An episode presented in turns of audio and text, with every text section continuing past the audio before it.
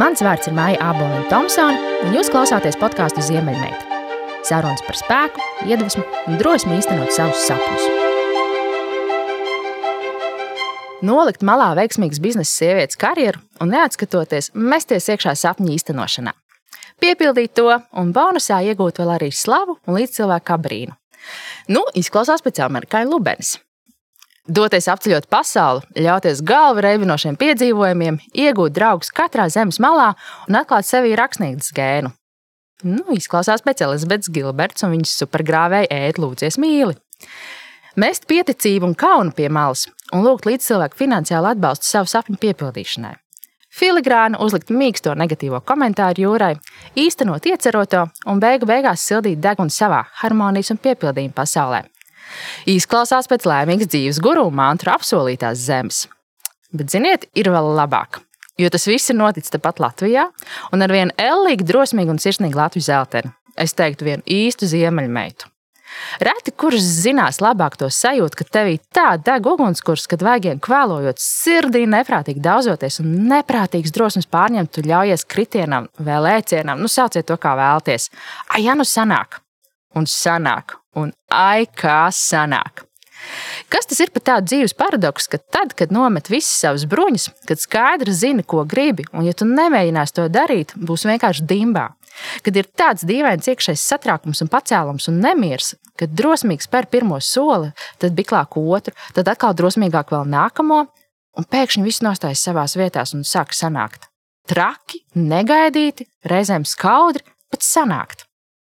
Un tā, dāmas un kungi, mārketinga un komunikācijas jomas profesionāli, kaislīgi ceļotāji, drosmīgi savu sapņu piepildītāji, dabas mīļotāji, bloga mugursoma LV radītāji, žurnālisti, rakstniece un grāmatas nekaunīgais pingvīns autora.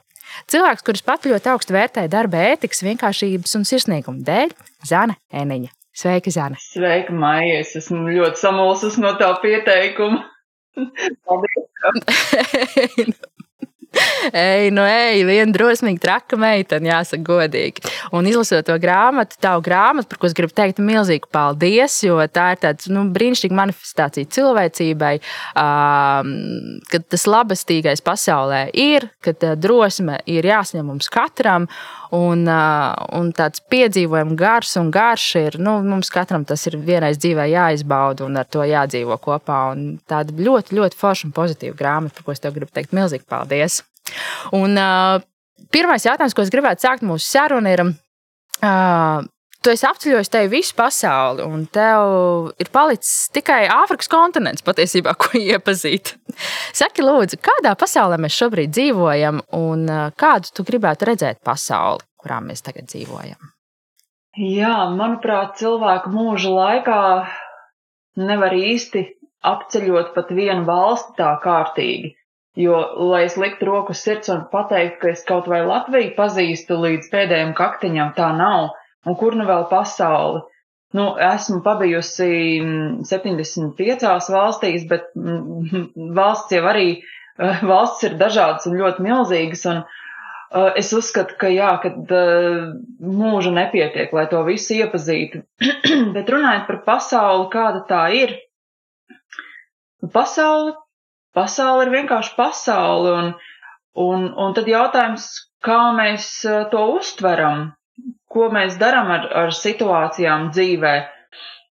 Jo, nu, es domāju, ka tu, tu domā pandēmijas laika šobrīd, un um, no vienas puses es gribu teikt, ka kaut kādā mērā mēs kā cilvēku suga to droši vien esam pelnījuši, jo ceļošana man ir parādījusi to, ka pasaule ir vienlaikus ārkārtīgi skaista, neticami bagāta um, savā, savās izpausmēs, bet arī to, ka cilvēki var būt ļoti lieli uh, piemēslotāji un mēs ārkārtīgi darām pāri. Jo, nu, it kā tu saproti, piemēram, ka naftas ieguve ir kaut kas um, tāds liels, ka tā ir industrija, bet tad, kad tu brauc uh, dienvidu um, štatos ASV uh, gar uh, ezeru, kur, piemēram, ir naftas trubas kādu kilometru divu garumā, tādā, tādos, tādos rūpnīcas augstumā, vienkārši tad man radās tā apjausma par tiem apjomiem, kādā veidā uh, notiek, teiksim, resursu ieguve. Un um, arī, piemēram, tie, kas ir bijuši Āzijā, zina, ka tās ir ne tikai zilas pludmales un zaļas pāmas, bet tās ir arī ārkārtīgi piesārņotas pludmales ar, ar plasmasu. Un tāpēc, uh, tāpēc es domāju, ka, ja daba mūs šobrīd, varētu teikt, ir nolikusi uz pauzes kaut kādā mērā, es domāju, ka tas ir pelnīti. Jo ka, visas lietas dzīvē notiek ar kaut kādu mērķi mums kaut ko iemācīt, un es domāju, ka šis vīrus mums, eh, kā cilvēkiem, cenšas kaut ko pateikt šobrīd par, par to dzīves ātrumu, par, par to iespējams kaut kādu nevērību pret uh, apkārtējo vidi un vienam pret otru. Tā es to šobrīd uztveru. Bet vai tā kopumā liekas, ka mēs pasaulē dzīvojam tādā labā vietā, kur mēs varam cilvēkiem viens otram uzticēties? Uh, un ar mums nākotnē viss būs forši, jeb, jeb tomēr tu redz, ka mums pasaulē vēl arī bez šīm dabas lietām ir arī mums kā cilvēkiem kaut kas sevī jāpārskata. Nu, mēs jau kā cilvēki nemitīgi augam un attīstamies. Tas būtu tā ļoti garlaicīgi, ja mēs piedzimtu un, un, un visi tagad būtu tādi ļoti cēli un iejūtīgi radījumi, un, un, un tādi mēs, diemžēl, vai par laimi neesam. Un uh, es, do, es domāju, pat tie cilvēki, kas iet tādu, uh, kā lai saka, garīgumu ceļu, nu, esmu redzējis tik daudz kašas un strīdus arī, arī šādos cilvēkos, tā kā es domāju, ka um, tur, tur mums visiem ir ko mācīties. Bet kopumā, ja mēs runājam par cilvēkiem un par pasauli, Es uzskatu, ka pasaule ir labāka vieta nekā mums uh, dažbrīd to gribās uzskatīt. Jo tad, kad mēs, piemēram, skatāmies ziņas vai, vai, vai klausāmies, kas tad ir noticis, tad ļoti bieži mūsu ausis sasniedz ziņas par kaut kādām katastrofām, nelaimēm, noziegumiem, un retāk uh, tiek stāstīts par, um, par kaut kādiem labiem notikumiem, par to, kā, kā cilvēki kopā ir kaut ko fantastiski izdarījuši vai palīdzējuši kādam. Tā kā Mana pieredze ceļojot liecina par to, ka neraugoties, kurā pasaules malā tu nonāc, vienalga pie kādas eh, krāsas cilvēkiem, neatkarīgi no tā, ko viņi ēd, eh, kā viņi mīl vai ko viņi lūdz, um, cilvēki ir atsaucīgi, viņi, viņi ir gatavi tev, tev steigties palīgā, uh, lepot, lepojas ar savu zemi, grib parādīt savu kultūru. Tā, tas, ko es saucu par svešinieku laipnību, tā ir lieta, kas mani ir ārkārtīgi aizkustinājusi ceļojot, jo es ļoti daudz palieku pie vietējiem cilvēkiem mājās, um, vai es, teiksim, pārvietojos stopējot vai, vai daru kādu brīvprātīgo darbu. Un, jā, šis, šis cilvēku uh, sirsnīgums un atvērtība ir mani bezgalīgi pārsteigusi tādā nu, pozitīvā nozīmē. Jā, tad tur tiešām aprakstīt tādas situācijas, ko es teiksim, nevarētu iedomāties, ka mēs to Latvijā darītu. Es to nevarētu, nu, tik drosmīgi tā iet. Es nezinu, nu, Teiksim tā, man, protams, arī ir dažādas pārdomas par, par cilvēkiem, un, un, jo, nu, es arī esmu sastapusies ne tikai ar, ar, protams, laipnību, bet arī ar naidu un nosodījumu un, un, un, un citām situācijām. Bet eh, arī Latvijā es gribētu teikt, ka esmu sastapusies ar brīnišķīgiem cilvēkiem, daudziem cilvēkiem, un, piemēram, viens no tādiem apliecinājumiem ir tas, ka Es pagājušā gada eh, vasarā iedraudzējos ar eh, vietējiem cilvēkiem, kas dzīvo vidzemes eh, augstienē netālu no drustiem, un faktiski tur ir tāda kā, es teiktu, cilvēku komūna, un katrs cilvēks, ar ko es iepazīstos, manuprāt, viņš ir tā tāds, es pat nezinu, dimants olis vai, vai kaut kas, kurš katrs ir citādāks, bet viņi visi ir tik ārkārtīgi dabiski dzīvi, um, pilni ar zināšanām un smiekliem cilvēki, un es esmu ārkārtīgi laimīga par to, ka man uh, dzīve dod pretī šādus cilvēkus, un ka es varu ar viņiem iepazīties un kaut ko kopīgi padarīt un, un kopīgi pasmiet. Mm. Tā kā, tā kā, nē, es domāju, ka kopumā lielākoties cilvēki ir ļoti forši un labi. Un, ja teiksim, mēs salīdzinātu latviešus ar uh, pārējām pasaules tautām, kas ir tas, tas mūsu īpašais, kas mūs atšķir, un, un kas ir tas, ko mums varbūt vajadzētu lepoties, un kas ir tas, ko mums vajadzētu pārņemt no citām tautībām. Mm -hmm.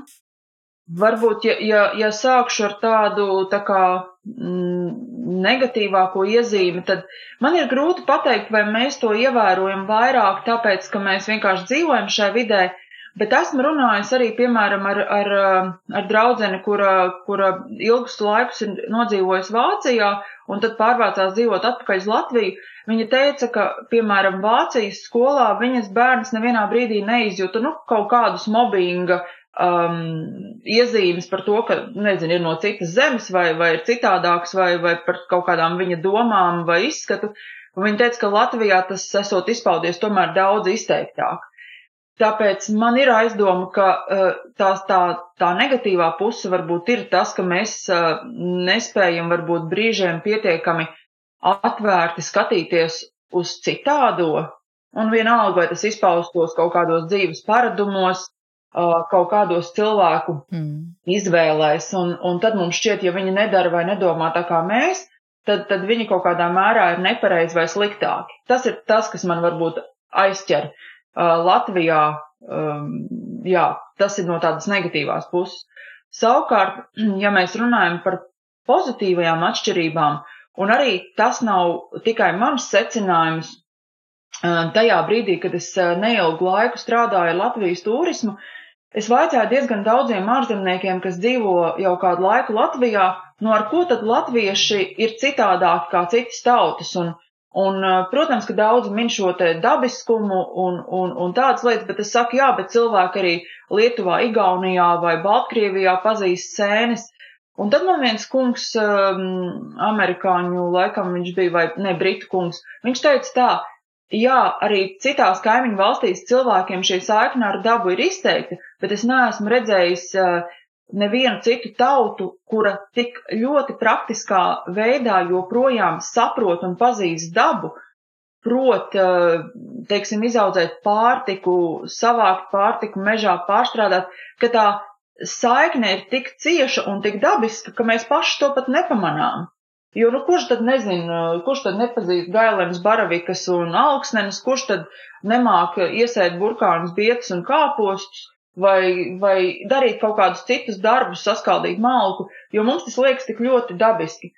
Un tad, kad es sāku ceļot un, un stāstīt cilvēkiem citās pasaules valstīs, ka mēs to darām un kā mēs to darām, tad viņi arī klausījās atvērtām mutēm un teica, klausies, man liekas, ka tu runā par, par avatāru, ka, ka, Kā jūs sajūtat dabu, jūs ejat pirtī, jūs, jūs ejat pie kokiem un tam līdzīgi izkla, izklausās pēc avatāra. Un, tas, tad, un tad kaut kā lēnītēm sapratu, ka man šķiet, ka tā ir visvērtīgākā Latvijas cilvēku un dabas uh, iezīme šī, šī simbioza sapratne. To arī pati mini grāmatā, rakstot, es te citēšu tevi. Ar Latvijas zirnekļiem man saista cieša draudzība. Esmu vienu otru pat pārbarojusi. Kā var pārbarot zirnekli? es šī kavējos un domāju, mums tādas bija karstas diskusijas ģimenē, kā var pārbarot Šis zirnekli. Tas tas labākais piemērs cilvēku un dabas draudzībai, jo bērnībā mums šķūnī tiešām dzīvoja zirneklis, un tad mēs gribot par viņu rūpēties, ik pa laikam metām tīklā mušas. Nu, noķer noķērām kaut kur mušu un tādu pusdzīvi, nu, ielikām. Un viņš, protams, priecīgi tās mušas ēda. nu, tad um, tas gals nebija pārāk priecīgs. Viņš, man liekas, vienā brīdī vienkārši mm. pārsprāga no pārēšanās. Tā kā, tā kā jā, tā, tā nebija, tas nebija labs piemērs cilvēks dabas draudzībai. Nē, patiesībā ir gan, jo savā ziņā tu jau pastāsti, ka tas jau no mazas, mazas mazotnes tā mūsu tā savstarpējā sadarbība ar dabu un tās rūpes vienam par otru jau nu, no, no, no, no maza bērna kājas. Tas ir slikti, ka tas noved nelaba gala. Jā, Klau, tu grāmatā raksti vēl tādu lietu, kas man arī ļoti, ļoti mm, aizķēra, un, un es ilgi par to domāju. Un tāds brīnišķīgs piemērs tu esi. Un es citēju, man līdzi nav ne mūzikas, ne vārdu. Tātad šovakar es nevaru noskaidrot ierasto mantru, kur bija apņēmusies skandēt 40 dienas pēc kārtas. Šodien ir 39. vai 40. diena. Nu ko, nāksies sākt visu no gala. Man liekas, tiešām, really? Tu esi tāds stingru apņemšanās cilvēks un tāds nu, disciplīnas cilvēks. Un, un, un tu pastāsti, kā izkāpt tādu disciplīnu, ka tu jau esi jau gala mērķī, un saka, nē, es tagad visu sākšu no jauna. Nu, vispār disciplīnai ir liela nozīme tev dzīvē, ir, un, un kā tu teiksim, ej šo ceļu? Disciplīnai kopumā ir liela nozīme, es domāju, jebkura cilvēka dzīvē, bet es domāju, ka es šajā gadījumā neesmu tāds ļoti labs piemērs. Man uznāk brīži, kad es varu sevi ļoti labi motivēt vai disciplinēt, un tad ir kaut kāda brīža, kad atkal man tas neizdodas. Nu, piemēram, šobrīd man, man gribētos no rītiem celties agrāk, bet uh, tā man gribās katru rītu. tad es tāpat, tā, tad, kad pienāk rīts, es saprotu, ka tas miegs ir tik ļoti salds un vienīgais, kas man spēja motivēt piecelties, ir, piemēram, saruna ar tevi vai, vai, vai kas līdzīgs. Tā kā es droši vien nebūšu pats dis, disciplinētākais cilvēks, bet, um, bet jā, uz to ir jātiecas. Un, un šis piemērs, ko tu minēji, uh, Um, es praktizēju vienu no jogas veidiem, uh, kundalīni jogu, un um, līdzīgi kā citās garīgajās praksēs, arī tur ir um, nosacījums, ka tev kaut kādas pārmaiņas uh, ir jāpilda 40 dienas pēc kārtas. Tas ir arī dažādās reliģijās. Uh, jo tas skaidrojums ir tāds, ka šis, eh, šis ir laiks, kurā nomainās eh, ķermeņa šūnas, un tas ir tātad 40 dienas pēc kārtas kaut ko darīt. Darot, mēs varam panākt pilnvērtīgu efektu vai uh, mainīt savus paradumus. Nu jā, un, un šajā reizē es biju devusies uh, vairāku dienu pārgājienā Peru uh, ziemeļos, un līdz man bija pats nepieciešamākais, un tad pašā vakarā jau, nu, ķeroties un gribot izbeigt šo ikvakaru praksi, es pēkšņi sapratu, ka šīs te uh, mantras, uh, mūzika un teksts viss ir palicis uh, somā, uh, lielajā somā, kas man nav līdzi.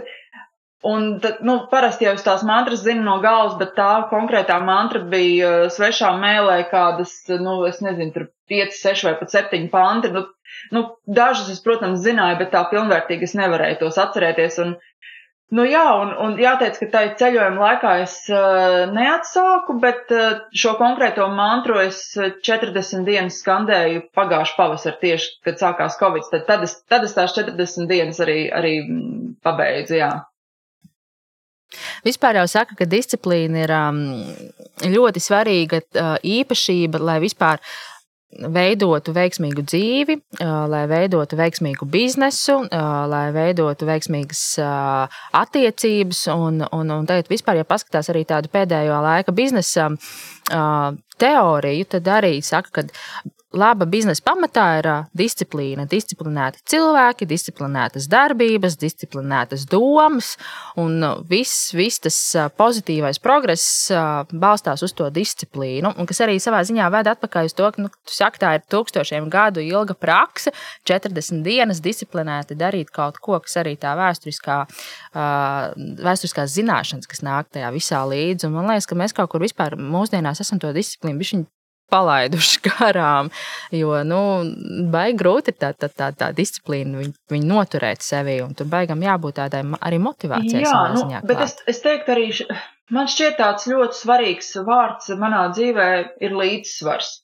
Jo tad, ja mēs kaut kādā brīdī ārkārtīgi aizējam otrā grāvī, nu, ka mēs sevi tik ļoti sadisciplinējam un visu saplānojam līdz, līdz pēdējai minūtei, uh, tad atkal, manuprāt, mēs kaut kur varam pazaudēt dzīves prieku un tāda brīvā plūduma prieku, ka mēs vienkārši ļaujamies notikumiem. Tā kā, manuprāt, atrast līdzsvaru starp, starp nospraustu mērķi, ceļu un disciplīnu un tomēr atļaušanu liktenim ik pa laikam iejaukties šajā ceļā ar savām korekcijām, manuprāt, tas, tas ir tas uh, labākais ceļš, kā, kā es to šobrīd uh, saredzu.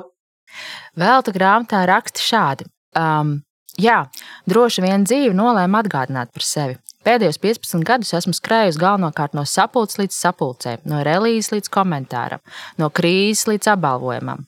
Ātra piepildīta spraiga dzīve, kurā ir viss, bet nav viena - laika. Laika, lai padomātu, lai mierīgi parunātos, kārtīgi izgulētos, atpūstos, mācītos un tā joprojām.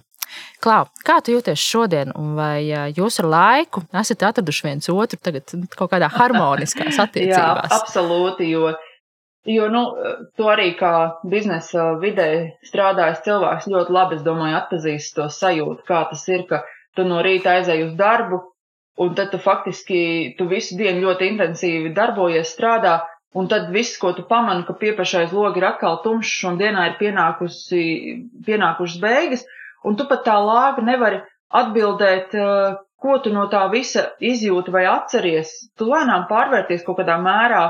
Nu, es negribu teikt par robotu, bet, uh, nu, man arī, kā lai saka, vārds apzinātība šķiet mazliet tāds novalkāts šobrīd. Bet, jā, ka tu neesi tā ar sirdi un dvēseli pieslēdzies visam šim procesam. Un, um, jā, un es sapratu, ka, piemēram, tajā laikā, kad es strādāju, nu, salīdzinoši augstā amatā, man bija brīnišķīgi daudz iespēju, ļoti, ļoti interesantas lietas darīt, bet man īsti nebija tam spēka. Uh, pie, piemēram, es nezinu, tiek, tiek filmēts jauns reklāmas klips, kas, man liekas, nu, ir tik brīnišķīgi iespēja redzēt, kā tas notiek un, un, un visu šo te talantīgo cilvēku darbu, bet tu esi tik ļoti pārgurs tajā savā ikdienas darbā, ka tu pat īsti nevari aiz, aizvilkt savu ķermeni līdz tam filmēšanas laukumam, lai to piedzīvotu. Un tāpēc es teiktu, ka, ka jā, šis laiks bija ļoti piesātināts un, un, un intensīvs, un es arī, nu, es nenieku nenožēloju, tāpēc, ka, nu, visi pieredze, kas mums dzīvē ir, mūs bagātina, bet uh, laika apstāties, izjust, izbaudīt, um, kaut ko saprast, man tajā laikā tiešām nebija. Un šobrīd, um, šobrīd es domāju, ka ar laiku man klājas daudz labāk.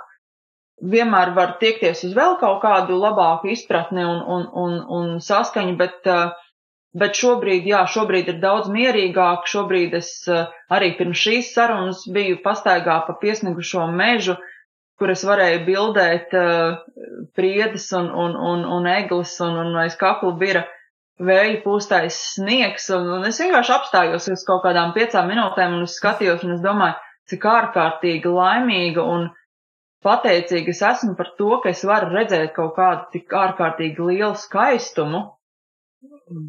To šobrīd, šobrīd vienkārši būt šajā brīdī un redzēt, pieredzēt to, to, to kas ar mums notiek. Jā, tas, tas bija tāds ārkārtīgi skaists brīdis, un es īstenībā sev ik pa laikam pieķeru tieši šajā patie, patie, pateicības frekvencē par to, ka, ka tu atrodies tur, kur tu tajā brīdī esi. Un es uzskatu, ka Latvija ir, ir vienkārši neticama skaista vieta, ka mūsu daba ir kaut kas tik ļoti unikāls, tik ļoti mierpilns, um, drošs, ka mēs esam ļoti laimīgi un priecīgi, ka mēs varam būt tieši šeit. Tā ir, ka tajā mirklī, kad uh, tu tiešām spēj sev pieķert, tagad stop, izbaudi, nu, līdz, līdz, līdz garšas niansēm, izbaudam šo mirkli, tad tu saproti patiesībā, ka tās ne jau tās lielās lietas tev dara laimīgi, tev patiesībā dara laimīgi tās mazās lietas. Un, kad tu pats saki, ka tev vēja pūstais sniegs aizkrītais kaklu, tā ir tā laimes mirklis, ka tu skaties vienkārši mežā, laimes mirklis. Tev nevajag, lai tev pie durvīm stāv jauns sarkans poršē ar sārtu lentu. Jā, tev tāds liekas, šūs, bet nu nē. Vai arī papriecāsies? Nē, un, un, saproties, un ja tas poršs tev dara laimīgu, un ja tu vari viņu, nu, teiksim tā, godīgi un brīvi atļauties, man arī nav nekas pret poršiem. Man neskauž cilvēki, kuri, nezinu, pelna daudz vai, vai dzīvo kaut kādās milzu villās.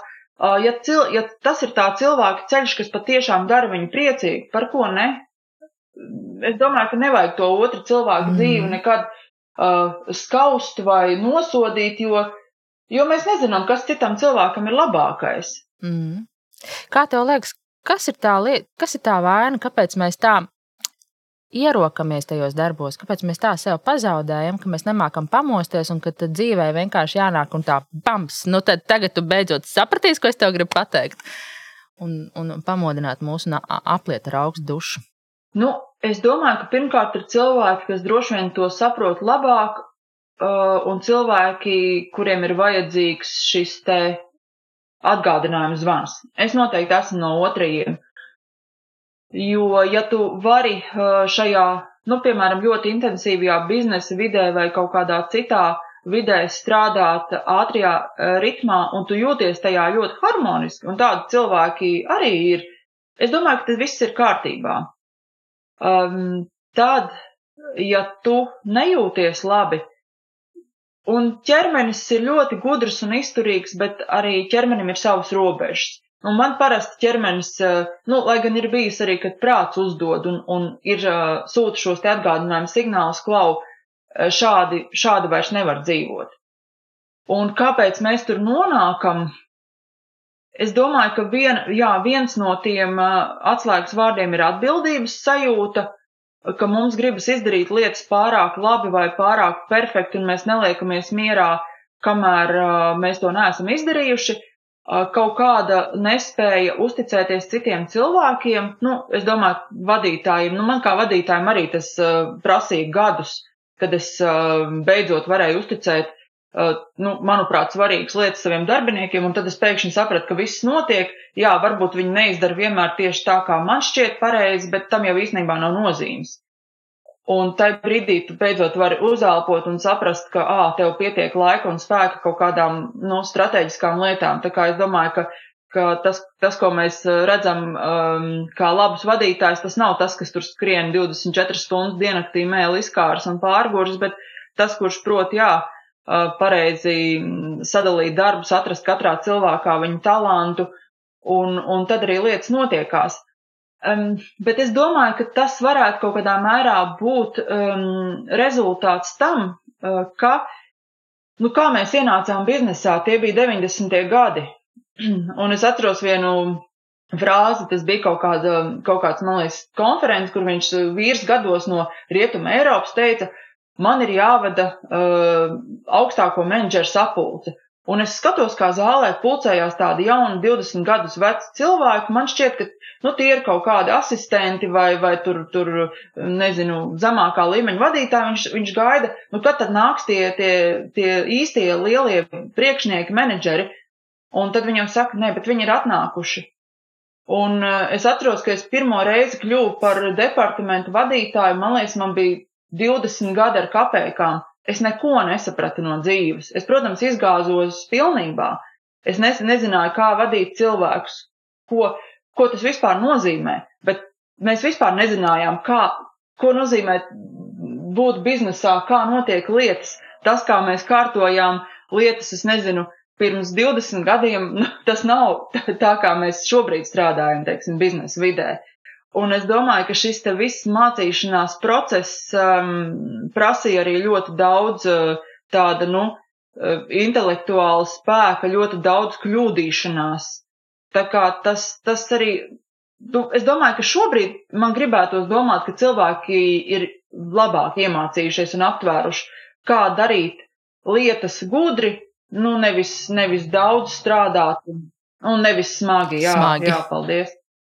Bet tā ir, man liekas, ka tiem perfekcionistiem tas ir tas viņa lielākais ienaidnieks savā ziņā. Kad uh, perfekcionisms tev nekad nelaiž vaļā. Nu, tu nekad ne, ne, neuzēlpos, un katra neveiksme perfekcionistam ir daudz grūtāk pārdzīvot nekā cilvēkam, kurš nav perfekcionisms. Tā, ok, labi, nesnāc, ejam tālāk. Perfekcionisms sevi, te, sevi analizēs un domās, nu kā tad tā, un kas te nogāja greizi, un šitā un tā. Un tāpat arī perfekcionistam ir daudz grūtāk jaunu lietu palaist gaisā, jo viņa tā ideja nekad nebūs perfekta. Maija, es gandrīz nepalaidu šo grāmatu, es viņu noturēju datorā krietnu laiku, jo man likās, ka viņa nav gatava, viņa nav perfekta. Un es jau esmu pāris vietās šo stāstu minējusi, bet Es ieraudzīju vienkārši vienu nakts sapnī Viju Kilbloku, kur man paprasīja šo manuskriptu. Nu, un, un tad es arī dzīvē viņai piezvanīju un, un nosūtīju, jo man likās, ka nu, nav, nav līdz galam kārtībā, nav secība, nav gramatika, nav, nav līdz galam uh, visas detaļas noslīpētas. Un, uh, un es, es biju nonākusi tādā vietā, kad man likās vispār, ka tā grāmata ir slikta un, un, un ka to nevajag darīt. Un, uh, Un, nu, es biju ļoti tāda, tāda nomākta un sapinusies savās sajūtās, un, un tad, kad es viņu nosūtīju redaktoram un cilvēks no malas to izlasīja, viņš pateica, bet ko tu vispār ņemies, viss ir kārtībā, var arī šādu. Nu, kurš ir teicis, ka grāmatā nevar būt intervijas vai nevar būt komentāri vai, vai katrai dienai tur ir jābūt izvērstai līdz detaļām, ir tā kā ir, viss. Beidz ņemties un, un ejam uz priekšu. Un kādreiz tāds skats no malas ir ārkārtīgi veselīgs un nepieciešams tad, kad mēs, jā, mēs esam kaut kur tajā savā perfekcionismā iegājuši kaut kādā tumšā kaktā vai, vai labirinta mm, strupceļā. Mm, tad ir labi, ka ir tāda saprāta balss blakus, kas var no malas pateikt, hei, laid lietas mieras, lai iedomājas grāmatu, neiznāk. No jā, no jā, Ārprāts. Tas bija ļoti, ļoti tuvu īstenībā no. Nu. tam, lai es pateiktu, ka, nu, nē, nē, nebūs tā kā. Tā kā, jā. Tā, vēl tev ir tāda brīnišķīga vieta grāmatā. Jau bija sākus pārunas ar potenciālo darba vietu, tomēr tā noslēdzās ar apusēju vienošanos. Arī mana privātā dzīve apmet uz gaisā kūleni un apgrieziens par 180 grādiem aizlīdēja neplānotā virzienā. Un tā, gan profesionālās, gan privātās dzīves tiltiem degotais muguras un izgaismojot ceļu priekšā, es sapratu, ka man ir jādara tas. Ir jāsāk ceļot bez gala un malas. Un te es gribēju pakavēties. Tā ir tāda mm, laba vieta, kur parunāt par mērķa nepieciešamību dzīvē. Tu saproti, ka tev ir jādara tas, ka tev ir iezīmēts tas mērķis, un, un, un, un cik svarīgi, ka cilvēkam dzīvē ir mērķis, kas ir tava tā ziemeļzvaigznes, kuru tu ej. Un, un, un tas tev paver tādas fantastiskas iespējas, un um, cik žēl, ka bieži vien cilvēkiem dzīvē nav mērķi, ka viņi nespēja viņu atrast. Un kas ir tavs padoms, kā cilvēkam nonākt dzīvē līdz savam mērķim?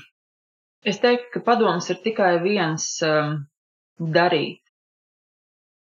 Jo, nu, ja cilvēks, uh, es domāju, ka varbūt tās, nu, kā lai saka, var izšķirt uh, vairākas situācijas. Viena varbūt situācija ir tāda, ka cilvēks nejūtas uh, apmierināts ar to, um, situāciju un dzīves, kurā viņš šobrīd atrodas, bet viņš lāga līdz galam nezina, ko viņš vēlās.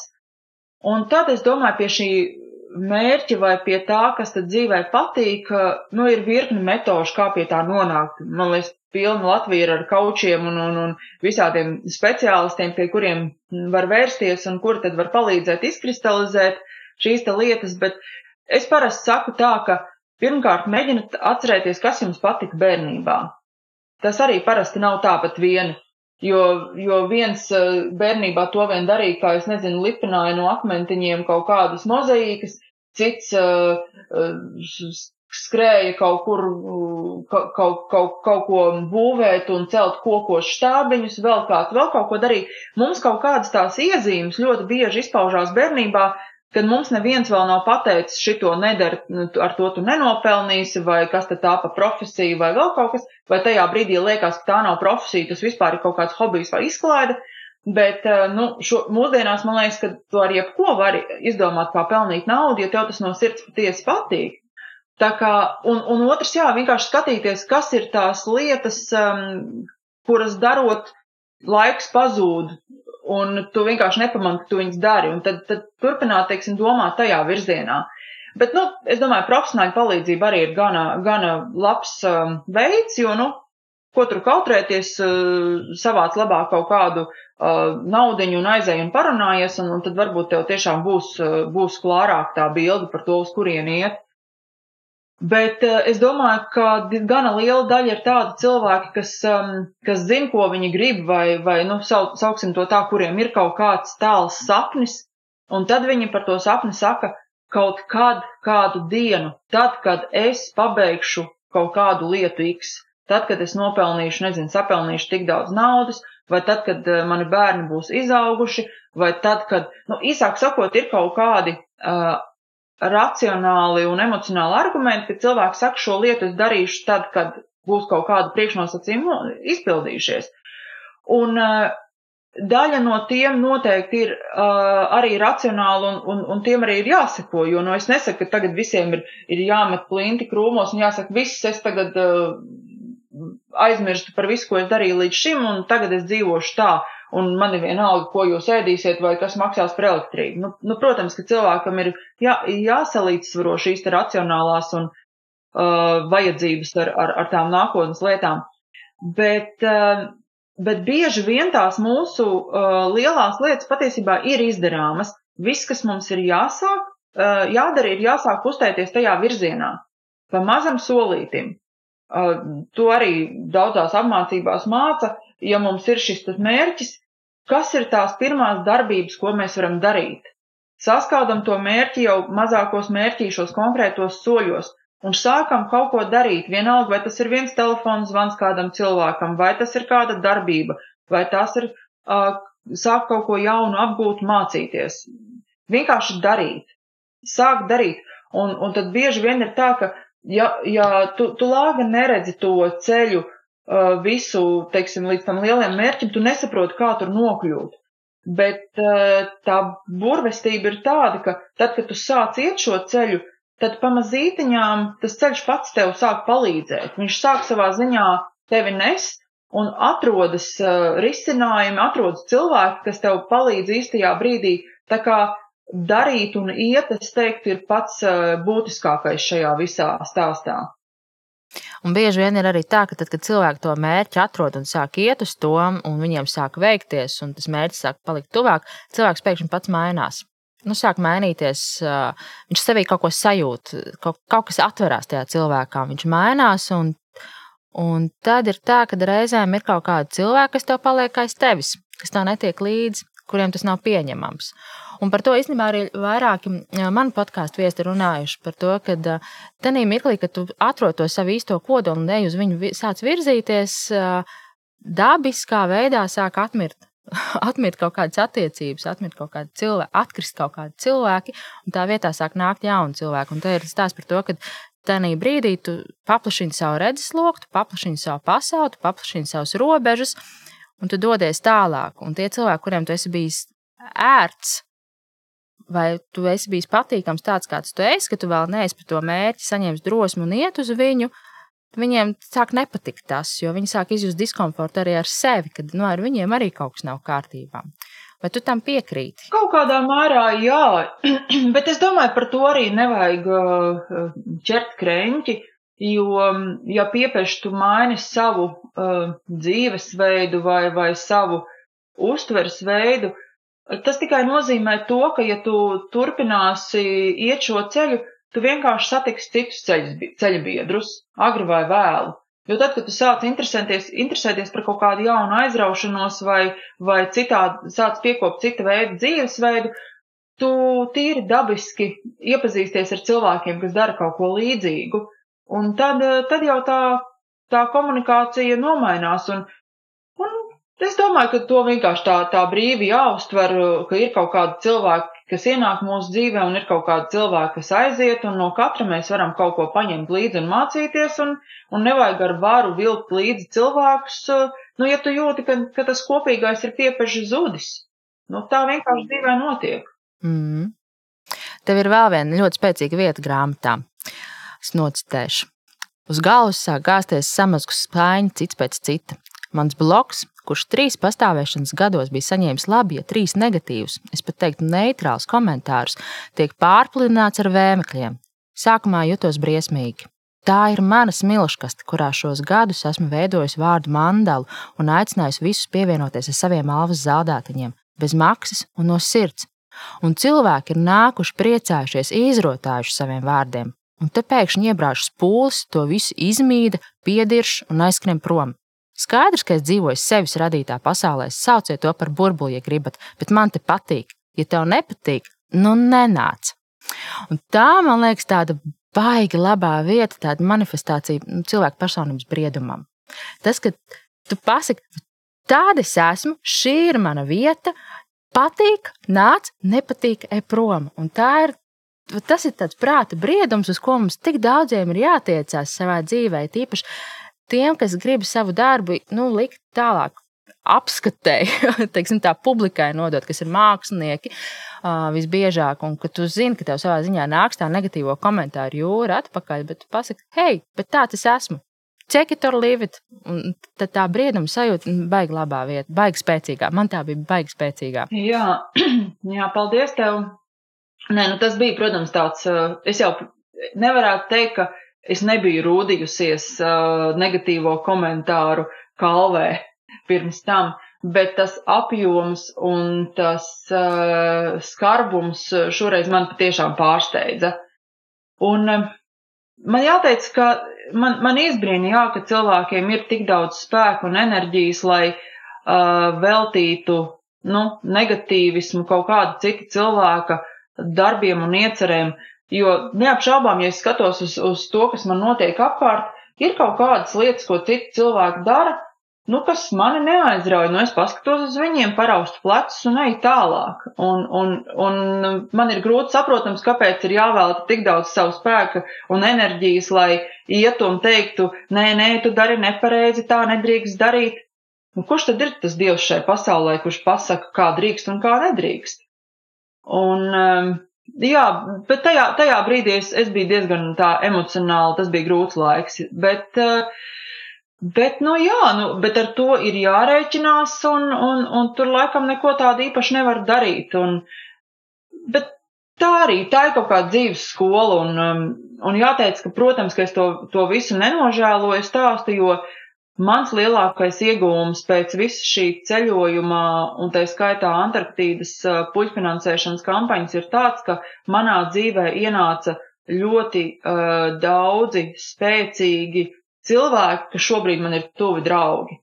Um, nu, jā, es negribu, es negribu savu dzīvi bez viņiem vairs iedomāties. Tās pamatā, starp citu, ir sievietes uh, vidējos gados, kaut kur ap 50, bet kurās ir tāds dzīves spēks, jauda, gudrība, un viņas man ir tādas, nu, es nezinu, vienlaikus draudzenes, mammas, skolotājas, māsas, un uh, tas ir, tas ir ļoti liels spēks. Tā kā es teiktu, ka tas iegūms noteikti pēc šādām um, izdarībām ir lielāks nekā tas zaudējums. Bet es arī saprotu to, ka um, var, var atturēt šā, šādi, nu, šī, šī negatīvismu straumi, jo, nu, mākslinieki, es sev neuzskatu par tādu, nu, ļoti lielu mākslinieku, teiksim tā, jo, nu, tomēr šie 20 gadi ir pavadīti biznesa vidē, un es, es uzskatu, ka es domāju tā diezgan pragmatiski, uh, Bet ir cilvēki, kas ir ārkārtīgi jūtīgi. Nu, tiešām, nu, es domāju, tie, kas spēj tvert uh, pasauli, nu, un tulkot to mūzikas, uh, dzējas, uh, glaiznu valodā, ļoti bieži šie cilvēki ir ārkārtīgi trausli. Un tad, nu, man dažbrīd ir bail, vai tas nevar nodarīt pāri šiem cilvēkiem tik tālu, ka, ka viņi pārstāja nodarboties ar to, kam viņi ir aicināti.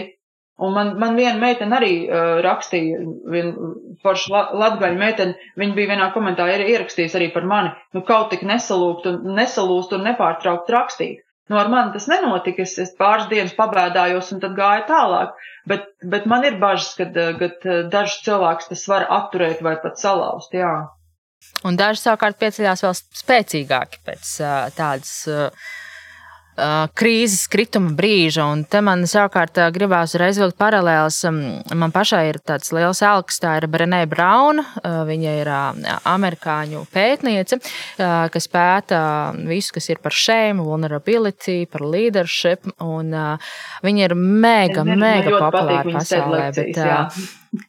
Un pēc pirmās TED runas, par kuru viņa kļuva populārā momentā, viņa saskarās ar ārkārtīgi arī lielu negativitātes gūzmu komentāros, kur, kur, kur, kur viņa tieši runāja par to shame un vulnerability. Un tad viņai nāca komentāri pretī, lai nu ko, bet nu, pasties pat uz sevi, kā tu izskaties, un lai nu kas par šo tēmu vispār runāt. Un viņa teica, ka, jā, ka viņa arī esot uz vairākām dienām vienkārši nu, palīd uz zemes sēgas ar saldējumu kasti un televīzijas pūli pultu. Viņa vienkārši ir ierakusies, viņa nav spējusi izlīst no tā visa ārā. Un, nu, kā, kas, kas ir tas milzīgais viesulis viņā iekšā? Un te viņa esot uzgājusi Teodora Roosevelta citātu par man in the arena, kad uh, it's not the critic who counts, it's the man in the arena uh, who counts, kurš tajā brīdī ir tajā arēnā, kur, kurš ir nokritis ar seju dubļos, kurš ir visi nosmērējies un kurš tagad cīnās ar sevi, lai pieceltos augšā un turpinātu tālāk iet savu darbu. Nevis tas, kurš stāv tev tribīnēs un kaut ko kritizē. Ne jau viņa viedoklim ir kaut kāda nozīme, bet tam, kurš tajā mirklī ir tajā situācijā, kurš to ir izdzīvojis. Un tālāk viņa savā daļradē arī ļoti iestājas par to, ka Viņa dzēš visus negatīvos komentārus ārā no sava, sava, saviem blogiem un, un, un Instagram kontiem un no visurienes, jo viņa saka, ka tu nedrīkst šeit nākt un uh, piedirst ar negatīviem komentāriem šo vietu, ja tu pirmkārt nedod man uh, uh, kritiku, kas ir racionāla, kas ir nu, izvērtēta, kurā ir kaut kāda arī ieteikumi. Ja tu pats neesi nekad izdzīvojis šo lietu, ja tu pats nekad neesi to darījis, ja tu nezini, kā tas ir būt tajā brīdī, tajā vietā un darīt to, ja tu nezini, kā tas ir uh, sekot savai sirdsbalsī, ja tu nezini, kā tas ir uh, nokrist un mēģināt piecelties, nu, tu nevari sniegt negatīvu komentāru tikai par to, ja tev nav pašam, ja tu pats tam neesi gājis cauri. Un tas tāds tā baigi spēcīgi ir, par ko viņi vispār savā dēļradē runā. Kad ne jau kritiķi, kas, jo pilna pasaule ir kritiķiem, kas tevi apries, kuriem kur nekad neko savā dzīvē nav darījuši un tikai reju un reju un reju un reju, un ka viņiem ir tāds spēks tos, tos īstos diamantus vienkārši. Diemžēl arī mm, apbērt ar pelnu, kādus no kuriem tie diamanti nespēja izraukties ārā. Bet, ja tu tajā brīdī saproti, ka ne jau kritiķim pienākās tas kredīts, bet tam cilvēkam, kurš kaut ko dara, tad ir daudz vieglāk iet uz priekšu tajā negativitātes nu, jūrā. Es domāju, ka dzīvē nav tādi cilvēki, kuri nav krituši. Es domāju, ka mēs uh, visi uh, kaut kādos dzīves posmos ejam cauri ļoti smagiem brīžiem. Tieši tā. Dažus mēs sagādājam sev paši, dažus uh, mums piespēlē liktenis, un tad jautājums, uh, jā, ko, ko mēs darām pēc tam, kā mēs šo mācību izmantojam. Jo, nu, es esmu no tiem, kas piekrīt, ka tās um, situācijas un cilvēki, kas mums dzīvē uh, nāk ceļā, nu, ka tas ir priekš tam, lai mēs kaut ko iemācītos. Un tad, kad mēs esam apguvuši šo dzīves mācību, tad mums vairāk šīs situācijas nedod. Tad, tad mēs ejam tālāk, mēs esam to, to līmeni nokārtojuši. Mm. Bet ja mēs iekrītam atkal vienās un tajās pašās lamatās, nu tad mēs neesam kaut ko vēl sapratuši. Tu brīnišķīgi savā grāmatā apraksti to brīdi, kad tu nokārto eksāmenu. Un, uh, tas man bija tāds nu, grāmatā augstākais punkts patiesībā. Un tā es citēju. Vienu brīdi sapratu, ka nervi vairs netur un acis ir sarkans no nemitīgās vēršanās monitorā un raudāšanas. Aizvēru datoru un izgāju ārā. Bija silta vasaras diena, apkārt smaržoja daba un dziedāja putni, un es pēkšņi sajūtos vieglāk. It kā žultaino komentāru skābe būtu nograuzus no manis kādu nevajadzīgu rūsas aizsarkārtu, sēdus bruņas. Es satapos kā atkailināta cilvēka priekšā, kļuvusi jūtīgāka. Bet paradoxālā kārtā līdz ar ievainojamību un vārumu ir atnācis arī kāds iepriekš nesajusts spēks. Varbūt tas radies no visa labā, no mīlestības un atbalsta, varbūt gluži vienkārši no smaguma zuduma. Es sapratu, ka nav aiz kā noslēpties, un ka nemaz nevajag slēpties. Todien es atgriezos mājās citādāk, stiprāka, drosmīgāka, jūtošāka. Un tas man bija, to izlasīju, man tajā brīdī bija, kas pie vēlna te notika, kā tu to dabūji gatavu, kas saslēdzās tajā mirklī. Nu, kā to var nu, panākt, jo tas ir tāds, nu, tas ir tas lūzuma punkts, tas ir tas eksāmena brīdis, ko tu teici, un kad tu kaut kas tevī saslēdzās, un viss, un tu aizēji, un tev vairs. Tu esi pilnīgi savādāk. Es domāju, ka tur man ir, maniem nopelniem ir maz sakars ar to visu. Tas vienkārši, nu, kaut kādā mērā notiek pats no sevis. Un viss, ko tu vari tajā brīdī um, ar tādu vērojošu prātu un pateicību pieņemt un saprast, ka tas ir noticis. Un viss tas kaut kādā mērā nenotiek. Tas nenotiek īsti, mm. tā nav tava vara to izdarīt. To, to varbūt izdara kaut kas cits, un tu to vienkārši pieņem. Kā skola vienkārši izai cauri. Un, jā, un viss. pamanīt to, ka kas ir mainījies. Um, jā, es, es ļoti labi atceros to brīdi, un, um, un um, tas, tas bija ļoti, ļoti arī tāds emocionāls brīdis, un, un kaut kāds ārprātīgi atbrīvojošs tā sajūta bija. Um, tajā brīdī. Jā. Nu, tas jau, protams, nenozīmē, ka mēs jau esam ļoti talantīgi bruņaudzētāji. Tas nenozīmē, ka pat pa nākamajiem gadiem atkal nevar apaugt ar jauniem smagumiem un jaunām mm. bruņām. Tāda, tāda attīrīšana vai, vai bruņu nomešana čūsku metādu, cik reizes gadā mums arī varbūt vajadzētu biežāk. jā, jā, bet tas tāds, um, nu, teiksim, tā, dzīvot ar to atvērtību, tas, ir, tas nav viegli. Nav, protams, un, un, un cerot, nu, tā, tu... tā ir tāda ļoti liela izšķiršanās starp to, ka vai nu tu strādā, vai nu tu staigā pa pasauli apkārt tāds tiešām um, ļoti atvērts um, visam, kas nāk, un tas nozīmē, ja tu esi atvērts tajā, var ieplūst gan, gan, gan tās labās lietas, gan arī sliktās, uh, Bet es domāju, ka tā ir tāda nākamā atkal klase vai līmenis, ka iemācīties staigāt ar to atvērtību, uh, vienlaikus būt atvērtam, bet vienlaikus uh, būt klātam ar kaut kādu tādu ļoti smalku un gaisīgu filtru, kurš tad uh, spēj atsijāt, ko laist iekšā un ko nelaist.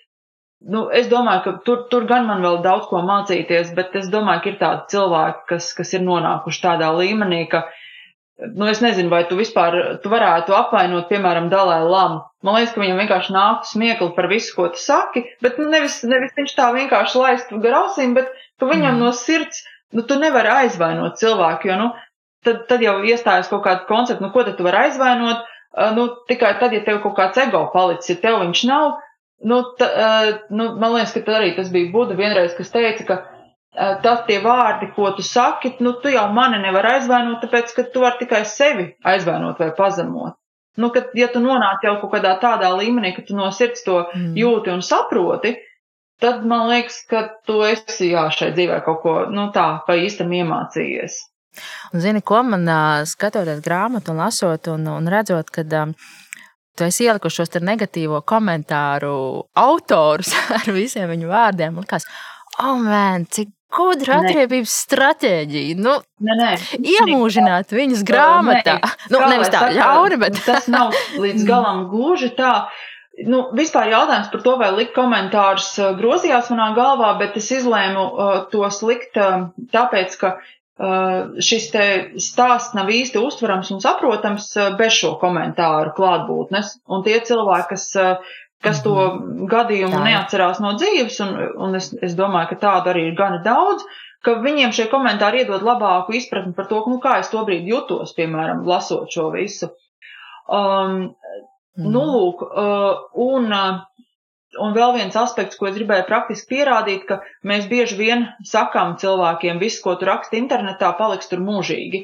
Un tad cilvēkiem liekas, ah, nu kas, es jau te tikai kaut kur kādā portālā ieklabināja kaut ko, bet nu nē, tas, tas viss tur paliek un, un šajā gadījumā ieliekot to grāmatā, es nu tā kā vēl praktiski gribēju apliecināt, ka tas viss patiešām uh, paliek uz mūžīgiem laikiem, tā kā nu domā, ko tu saki mm -hmm. un, un, un ko tu raksti.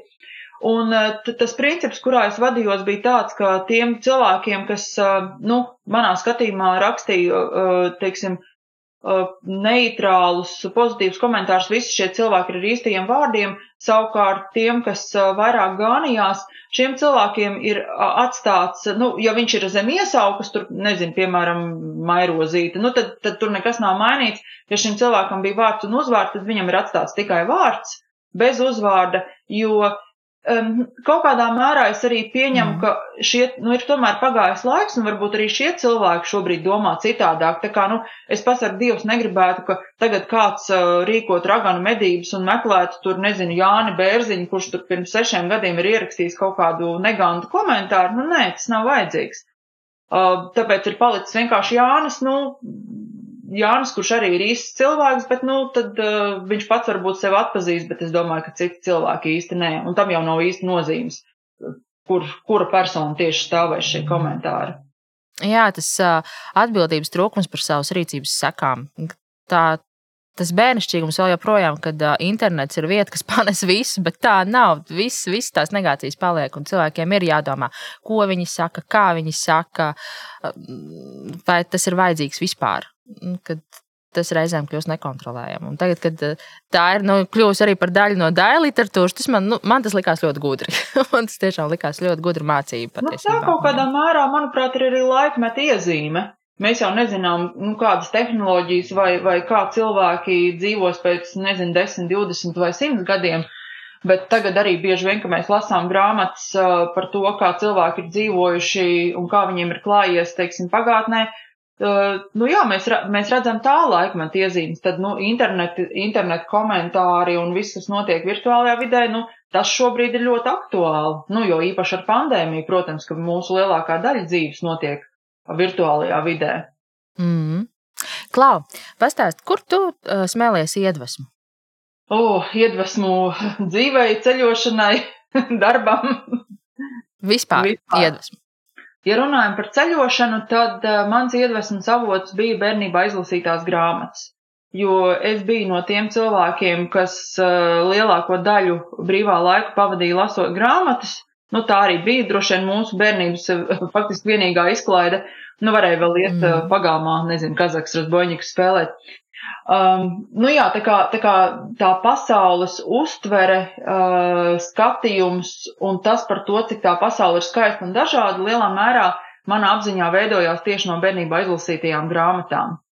Jā, nu, piemēram, tad, kad es lasīju Tūru Heyerdālu Aku Aku, tad es, protams, nenojautu, ka būs uh, laiks, kad es pati nonākšu un varēšu vaigā skatīt šos lielos akmens vīrus, un tas man, protams, bija milzīgs pārdzīvojums, ka es to varēju darīt. Bet, ja runājam par tādu iedvesmu ikdienā, es diezgan daudz sekoju līdzi cilvēkiem, kas kaut ko dara. Es klausos ļoti dažādas lekcijas, nu, teiksim, tevis pieminētā Brauna vai, vai citi talantīgi cilvēki, kas, kas, kas stāsta par, par to, kā viņi iet cauri kaut kādām dzīves grūtībām vai, vai ka viņi ir kaut ko sasnieguši, tas man ārkārtīgi iedvesmo. Nu, piemēram, šīs TED lekcijas noteikti ir viena no manām uh, mīļākajām, uh, mīļākajām lekcijām. Nu, latviski tie cilvēki, kas angliski nesaprot, lai gan, manuprāt, tā ir pirmā lieta, ko, ko noteikti ir jāmācās, ja, ja cilvēki vēl, vēl nemāka angļu valodu. Tad latvis, latviešiem, piemēram, Uguns skola LV, arī Laurai Denlerē ir brīnišķīgi mm. sarunas ar Latvijas cilvēkiem, kas arī man ļoti iedvesmo. Bet uh, visbiežāk uh, es iedvesmu rodu dabā, ejot, uh, ejot vienkārši dabā un, un brīnoties par, uh, par sūnām, par kokiem, par upes plūdumu, par, par to, kas mums notiek apkārt, cik tas viss notiek ļoti gudri un harmoniski. Uh, Nu jā, un arī ik pa laikam radot šos te prieka un iedvesmas mirkļus, jo, nu, bieži vien tie svētki vai kaut kādi īpašie brīži rodas tad, ja mēs, mēs arī paši kaut kā pieliekam savu, savu spēku un iedvesmu. Nu, ja tu gribi sēdēt, piemēram, uh, siltumā, nu, iekurina krāsni vai kamīnu, tev būs silti, vai aizdedz sveci, vai uzvāri garšīgu tēju, vai, vai pagatavo kaut ko garšīgu, un tev būs eh, priecīgs un iedvesmojošs mirklis. Uzaicini, piemēram, uz virtuālo sarunu kādu draugu, un tev būs izdevies vakars. Nu, otra izvēle, ka tu vari paņemt, eh, es nezinu, eh, šņābi un viens pats sēdēt drūmā istabas kaktā un teikt, ka dzīve ir slikta. Nu, tad jautājums kādas ir tās tavas veiktās darbības un izvēles. Tā kā es domāju, mēs paši arī ārkārtīgi daudz varam ietekmēt eh, tajā, lai, lai mēs saskatītu un radītu iedvesmu. Un kas ir tās fundamentālās eh, dzīves atziņas, ko tev ir iemācījusi ceļošana?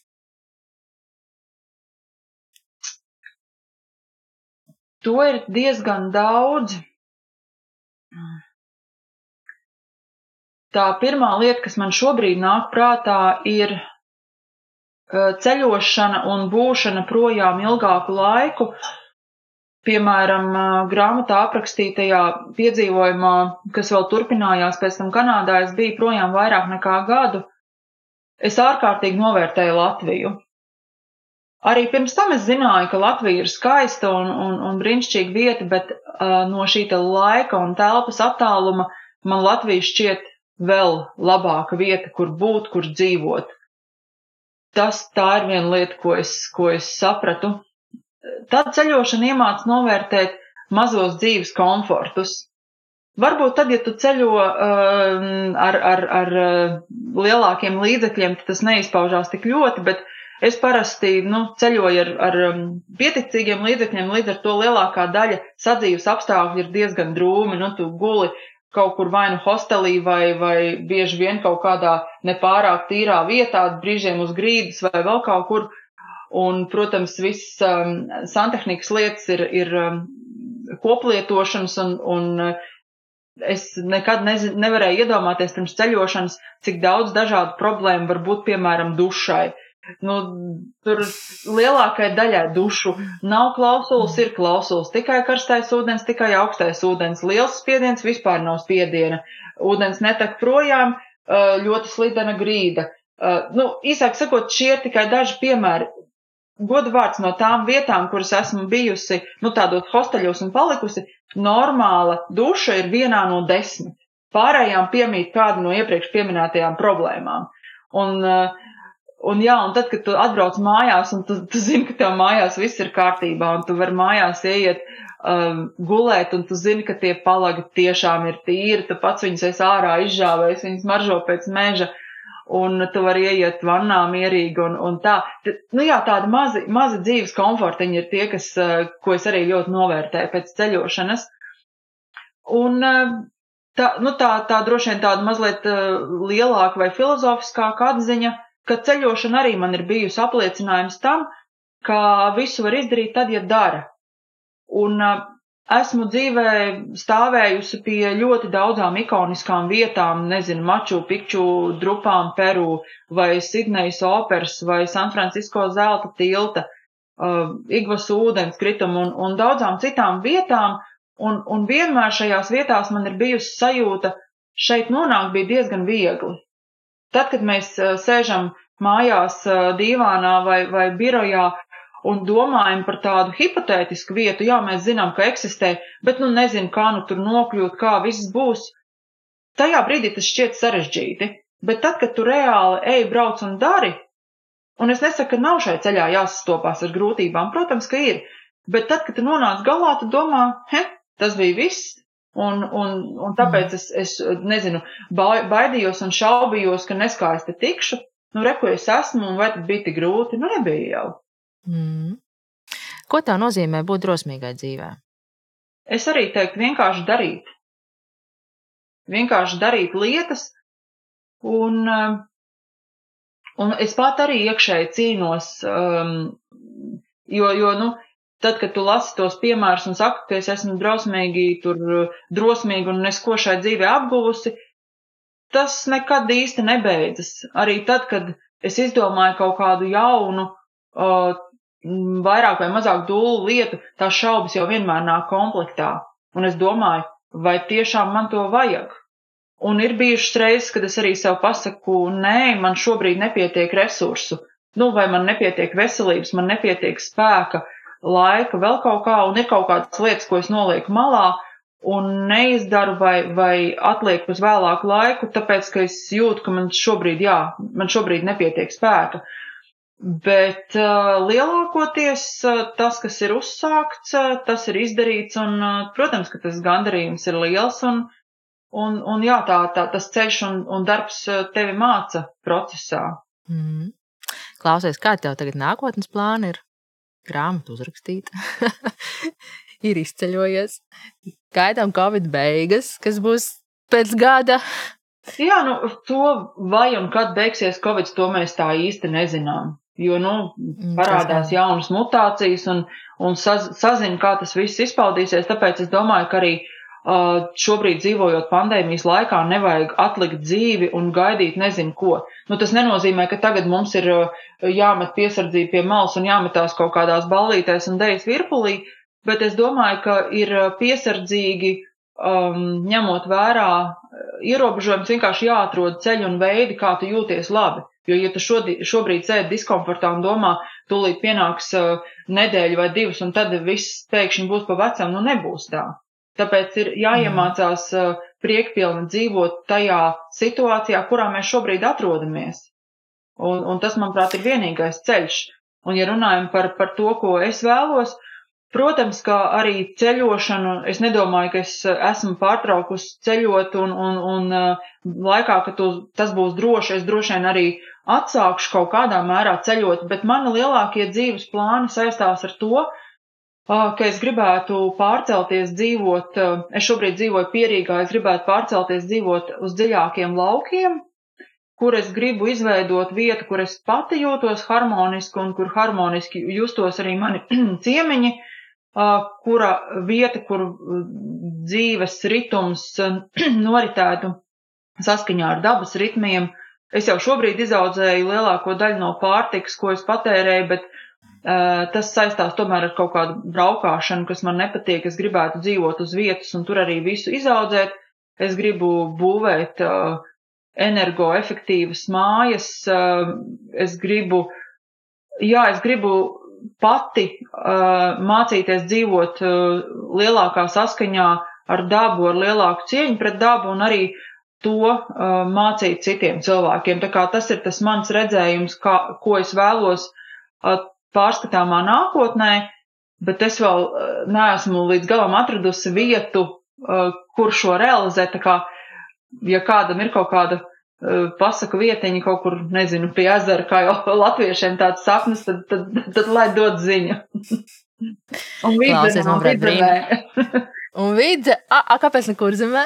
Man, man vidzem ir sirdī. Tad tur no turienes nāk manas senču saknes no tās puses, un es vidzemē jūtos vislabāk. Nu, skaidrs. Klā, man liekas, ka šī ir brīnišķīga notis, ko beigt mūsu šodienas sarunu. Bet man vēl noslēgumā ir tev pieci ātri jautājumi. Labi. Tev jāsaka ārā pirmais, kas tev nāk prātā. Tavs mīļākais ēdiens. Es nezinu, bet galvā man ienāca cepti kartupeļi. Dziesma, ko visbiežāk dungo pie sevis. Ārprāts ir grūts jautājums. Es nezinu, vai es kaut ko tādu dungoju. Droši vien tas ir atkarīgs no, no dienas. Man bija kaut kāds laiks, kad es tiešām dungoju kaut kādas tautas dziesmas, bet tik pa laikam, un, un tik pa laikam tās ir popmūzikas dziesmas, un kādreiz tās ir vēl, nedod Dievs, kaut kādas tādas muļķīgas dziesmas, kuras ieskrien galvā. Man nenāk šobrīd prātā kaut kāda piemēra, bet dažreiz tas ir kaut kas tāds pilnīgi muļķīgs, no kā tu netiec visu dienu vaļā. Te ir uh, baigie, baigie mocītāji. Mīļākā filma. Amēlija. Mm. Kāds ir uh, labākais līderības padoms, ko kāds tev ir devis, vai gluži pretēji sliktākais? Līderības. Jā, līderības. Vadīt ar piemēru. Nu, Nikam Keivam ir dziesma, uh, ka tev ir jāpraktizē tas, ko tu sludini. Walk the talk. Walk the talk. You're gonna practice what you preach. Un uh, es domāju, mm. ka tā ir tāda ļoti svarīga līderības iezīme, kā tu praktiski dzīvē dari to, ko tu sludini citiem. Mm. Un tava mantra brīžiem, kad jāsaņemas? Just do it! nu, klausies, nu, kolosāli. Paldies, tev liels par šodienas sarunu.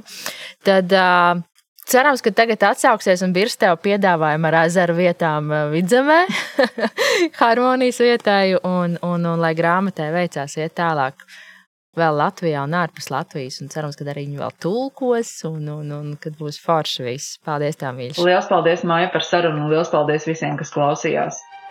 Paldies, ka biji kopā ar mums! Ja tev patika šodienas podkāstu saruna, lūdzu stāsti tālāk par to savējiem un dalies ar Ziemeļmeitu sociālos tīklos. Lūdzu, palīdzi podkāstam sasniegt tos cilvēkus, kuriem šīs sarunas varētu būt šobrīd vērtīgas. Un vispār es gribētu aicināt veidot foršu saturu kopā, lai katra saruna patiešām iedvesmas un pārdomu pilna mācību stunda mums visiem. Tāpēc raksti man personīgi savus ierosinājumus, kuru personības stāstus tu gribētu dzirdēt podkāstā. Ziemeļmeita dzīvo Spotify, Apple podkāstos un YouTube, kā arī, protams, Facebook un Instagram. Tiekamies tur!